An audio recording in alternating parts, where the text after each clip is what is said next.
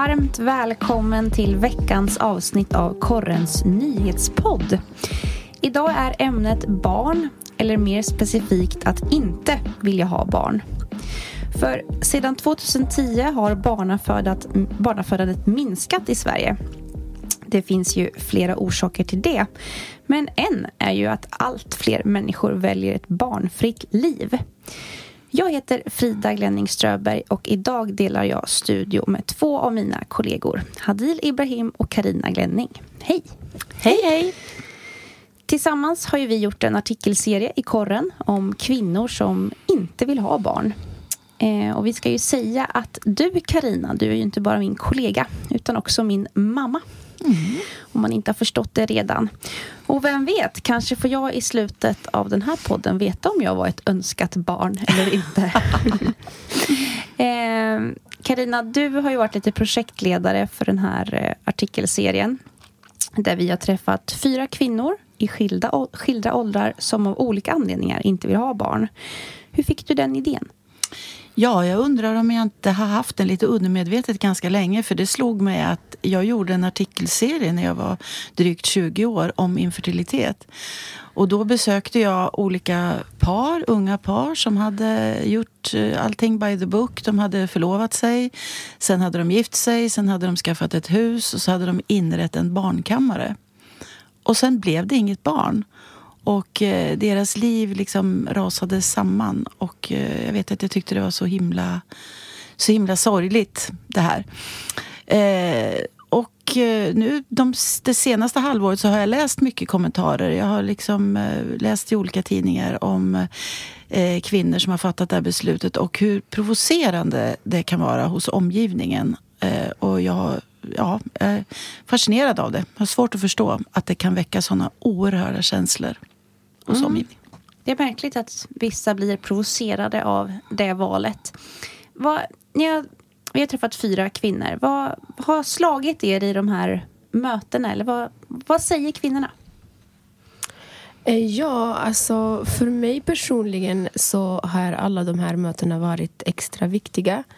Eh, eftersom jag själv är i den åldern, eh, då ska man kanske bestämma sig eller Eh, vad ska man säga? Och eh, jag kände igen mig i, i mycket av det de sa. Eh, och det, det, var en av kvinnorna som sa det är tråkigt mm. att eh, behöva ta hand om ett barn. Något i den stilen. Och jag kände exakt. så det var så roligt att få en sån här uh, bekräftelse på egna känslor. Ja. Ja, jag, jag tycker det var fascinerande med de här fyra kvinnorna för de har verkligen tänkt igenom eh, det här, rådbråkat sig själva och fattat liksom väldigt välgrundade beslut, tycker jag. Det var imponerande. De har, de har tänkt, tänkt länge? Jajamän. Mm. Hadil, du sa det själv, du är ju i 30-årsåldern där många kvinnor funderar på om man vill man bli mamma, kan man bli mamma? Eh, hur, hur tänker du själv? Ja, jag ska återkomma till mina personliga tankar men jag tänker att det som eh, provocerar mig mest är den här eh, pressen och förväntan. Och kanske en av anledningarna att jag valde att göra det här jobbet eller eh, ens tänka på det. Jag har varit som Karina och funderat på det tidigare också och lyfta upp barnlöshet eller frivilligt barnlöshet. Och det är ju mycket press eh, som sagt. Men det är ju mer press om man kommer från en annan kultur. Eh, och jag minns innan vi när, vi, när vi sökte intervjupersoner i början så skrev jag en sån här Facebookgrupp eh, till kvinnor som är födda utomlands. Mm. Eh, ja, men jag försöker hitta en kvinna i den åldern som har bestämt att inte uh, skaffa barn och så vidare. Och så fick jag typ en attack av alla medlemmar i gruppen. Hur ställer du en sån fråga? Barn är meningen med livet, barn är det bästa som kan hända, du är i fel grupp. Mm. Eh, och jag kände bara, det är just därför jag vill prata om det här ämnet. Mm. Och som jag nämnde tidigare så kände jag igen mig i mycket av, de, i mycket av det som kvinnorna sa. Att jag har alltid känt sen jag var liten att jag inte vill ha barn. Sen vet man aldrig. Eh, saker kan hända. Den, den pressen du pratar om, Mm. eller den förväntan, eh, upplever du den från människor i din närhet eller är det mer samhället och media? Eller var kommer den pressen ifrån? Det kommer från att jag har typ tio tjejkompisar som har barn eh, som är ungefär lika gamla som mig. Eh, och det blir ju att vill jag umgås med dem, det är kanske lättare att jag också har egna barn. Så att jag har lite mer förståelse för dem. Men också från familj, men inte på, på något direkt sätt att någon säger nu är det dags, utan mer att jag kanske ska skaffa barn för att göra mina föräldrar glada. typ. eh, så att det, det finns ju på alla möjliga sätt. Mm. För det tycker ju, uppskattar ju jag, mamma, att du aldrig har liksom varit på mig eh, på det sättet. Du har ju aldrig sagt rakt ut egentligen eller frågat så. Nej, men det, det kan ju bero på att eh, jag inte hade det så. Utan jag hade faktiskt en mamma som var, eh, låg på som attan när jag var 26-27 år och sa att ska man ha barn ska man ha det när man, var- när man är ung. Allt annat är patetiskt och sådär. Och då tänkte jag faktiskt att så ska jag aldrig någonsin säga till min dotter om jag nu får någon. Och det fick du. Ja, men eh, alltså jag... Eh, det var väl som du säger Hadil, det var, det var liksom... Barn skulle man ha och när jag närmade mig 30 där så tänkte jag att ja, ska det bli, ska det bli någon unge så är det väl nu snart. Men jag var väldigt liksom oreflekterande tycker jag. Man slutade med preventivmedel och tänkte så här, ja vi får väl se vad som händer. Blir det något så blir det något. Och nu har jag pratat med många eh, kvinnor i min ålder som säger samma sak. Att man var oreflekterande. Barn skulle man ha. Samtidigt så vet jag att jag tänkte att blir det nu, nu inget så, så ska det nog kunna bli ett ganska bra liv ändå. För du, eh, i början på 90-talet, du fick ditt första barn med mig när du var 32. Det var ju nästan lite gammalt då. Jag räknades som gammal förstföderska då, Mm. då på den tiden. Så är det inte nu. Kände du av den här pressen som Hadil pratar om? Eller förväntan? eh, från samhället Ja. menar du? Alltså man tänkte inte ens en gång så. Var totalt oreflekterande. Mm. Jag bara liksom, barn ska man ha ungefär när man är 30. Eller senast då. Då, då får man prova liksom. Det, var, det låter som jag var skitkorkad men det var verkligen ingenting jag kan minnas att jag och mina vänner diskuterade. Har du funderat kring det här med barn? Inte ens en gång så. Nej. Utan bara eh, en unge ska man ha. Vi, jag tänker vi ska lyssna till eh, en av kvinnorna som vi har intervjuat som heter Maria Kölle. Uttalar man hennes efternamn så? Ja. Hon är 36 år och eh, vi ska lyssna på vad hon säger till de som påstår att barn är meningen med livet. Jag anser att det finns många meningar med livet. Till exempel fuldans, relationer, mina föräldrar, min man, min katt, mina vänner. Ja, Mm. Fuldans är lättare att göra utan barn. Ehm, jag tänker, det finns ju en annan aspekt av att bli gravid och föda barn. Det är vad som händer i ens kropp. Det är ju faktiskt en av de farligaste sakerna man kan göra som kvinna. Även om vi lever i ett av världens eh, rikaste länder. Hadil, eh, har du tänkt på det? Den här, finns det liksom en oro hos dig i att din kropp skulle förändras och skadas av en eventuell graviditet? Mm. Alltså jag tänker inte på skadorna direkt, men jag tänker på smärtan. Alltså jag... Nu är det här väldigt personligt, men jag har väldigt eh, eh, starkt eller kraftig mensvärk. Och, eh, jag, min mamma sa en gång att det här är ingenting i jämförelse att föda barn. Och eh, alltså, det är ju kanske en del, men det, det är inte det viktigaste, tänker jag. Det, det är som jag sa, det här med att, att du behöver dela din tid. Mm. Du behöver liksom ge upp dans. Mm. Ja. Som är ett av dina Eller fin Ja. För dans är ju ett av dina stora intressen. Ja, Lägger mycket tid på det. exempelvis. Precis, ja. Mm. Minns du, Karina om du hade några sådana tankar när du var i 30-årsåldern? Att just... När det gäller rent fysiska grejer Mm. för kroppen. Nej, jag var lika oreflekterande där. Eh, och det var väl tur kan jag tänka för att eh, jag var inte ett dugg orolig. Men eh, sen så fick jag ju havandeskapsförgiftning när jag, när jag var gravid med dig och blev eh, förlöst eh, i vecka 30, tio veckor för tidigt. Det gick bra med dig. Det gick inte så bra med andra barnet. Eh, han, han svävade mellan liv och död och fick ligga i respirator i flera månader. Men så då fick jag vara med å andra sidan i en sån där specialgrupp för strulmorsor så att jag, jag var noga övervakad. Mm. Och idag är det bra, även med honom. Ja. Mm. Men du vågade skaffa ett till barn även om du blev så sjuk första gången? Det var ju inte alls självklart faktiskt. Men eh, och, alltså, man vet ju fortfarande inte riktigt vad havandeskapsförgiftning beror på. Men det vi fick höra, jag och eh, din pappa, det vi fick höra då när vi undrade om vi vågade skaffa ett barn till, det var att om, man, om kvinnan får barn med samma man så är risken för havandeskapsförgiftning igen mindre än 5 procent. Eh, om det stämmer och om det är något man säger även idag, det vet jag inte. Men hur som helst så prickar det in de där 5 procenten. Mm.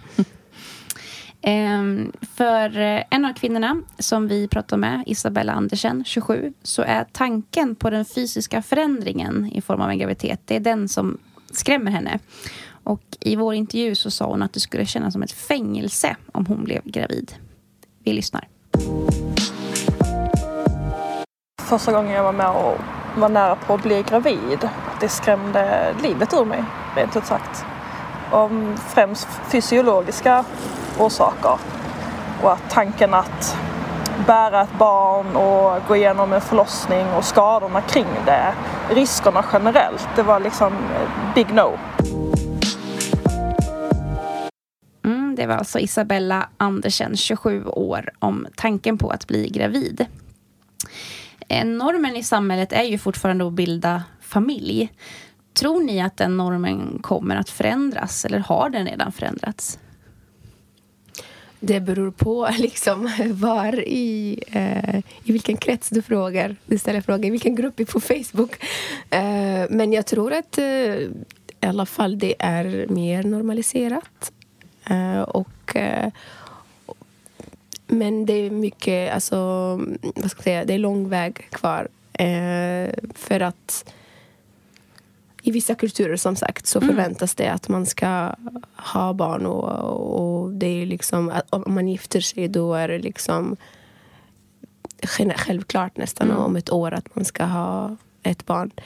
Eh, Så jag känner inte den pressen här, till exempel när jag är på jobbet. Men, Vilken tur. eh, Eller jag menar, när jag är bland svenskar, Ja. man säger så. Ja, men eh, i andra grupper eller andra sammanhang kan jag känna den pressen genom att alla typ i min eh, runt omkring mig har barn. Mm. Eh, så att Vi kan väl Ja. säga också vart du är ifrån. Nu har jag helt plötsligt glömt det. Vart du är född nej, jag är född och uppvuxen i Libyen. Men eh, ja, och kom hit för tio år sedan typ. ja, typ. Typ. Något sånt. Ehm, vad var det jag skulle säga? Jag kan också få svara ja, på den du kan också få svara. Får jag göra ett ganska långt svar? Ja, om du pratar när- lite närmare micken. Ja. Eh, jo, men jag tänker att eh, den här förväntan har redan i mångt och mycket förändrats jättemycket och jag tycker det är bra. Varje människa måste själv få bestämma över sin kropp och jag tycker det, eh, det är bra att diskutera eh, vad barn innebär. Alltså, när de väl finns där så är den kärleken eh, helt fantastisk och någonting man aldrig har upplevt tidigare. Men eh, det är ju så mycket annat att skaffa barn. Och jag tänker på Hjalmar Söderberg, tror jag det var, som sa att skaffa barn är att utöka sin sårbara yta. Och det stämmer verkligen. Det här är ett barn är för resten av livet, helt enkelt. Mm. Kan jag flika in där? Alltså jag tänkte bara också man måste tänka på det större perspektivet, alltså på världen globalt. Och eh, man, såklart, det är ett personligt val, men det är inte bara ditt val. Du, liksom, det är en människa som kommer till världen, en till person. Eh, och eh, ja, det är större än, än, än en själv. En av våra mammor säger ju också att den här planeten behöver inte en enda människa till. Och det ligger ju en del i det. Just det, Silla var det va? Hon som jobbade Mm. på förskola. Mm. Hon, hon svarar ju så här. Jag är nog ganska cynisk, men allvarligt. Vi har en värld av kriminalitet, krig, svält, kvinnoförtryck, psykisk ohälsa och klimatkris. Vi tar död på jorden. Den här planeten behöver inte en enda person till. Precis. Ehm, Men Frida, du var Ja. också inblandad på, i det här jobbet. Och du är ju gravid. ja, det är jag. Va? Ja.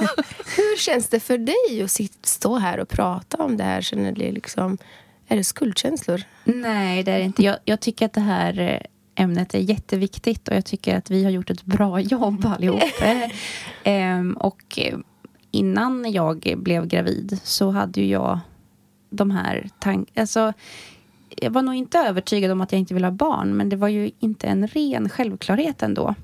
För mig var det nog den biologiska klockan som började ticka in. Att jag började inse att men ska jag ha barn så är det nog bra att börja försöka. Och jag och min sambo har ju varit tillsammans jättelänge, i tio år. Vi börjar prata om sådär, vad onödigt om det nu blir svårt att få barn, att vi börjar så sent. Så då försökte vi och det gick snabbt. Lite, lite tidigare än mamma i alla fall. Ja, jag slår mamma med tre år tror jag. Jag tror 29 som jag kommer vara när eh, förhoppningsvis den här lilla bebisen kommer. Det är eh, medelåldern just nu för Och jag förstföderskor. 32, ja. Mm. Mm. Så jag håller mig inom normen och mallen. Bra jobbat. Tack, eller något. Eh, vi ska säga att alla de här artiklarna eh, finns att läsa på Korrens sajt. Och just nu kan man bli prenumerant för endast två kronor. Eh, och två månader. Just det, mamma gestikulerar här i studion om eh, svaret på frågan om jag var ett önskat barn eller inte. Ja, om alla poddlyssnare undrar så ja mamma, hur, hur tyckte du att det blev? Eh, Jag skulle ju ljuga om jag sa att du var hett efterlängtad. Men när du väl kom, när du väl kom så var du så högt älskad. Förstås. Skönt att höra. Tack. Det blir ett jobb, jobbig situation här annars. Hörni, vi ska avrunda. Tack för att ni har lyssnat på veckans avsnitt av Korrenpodden. På återhörande. Korrenpodden. Ansvarig utgivare Christer Kustvik.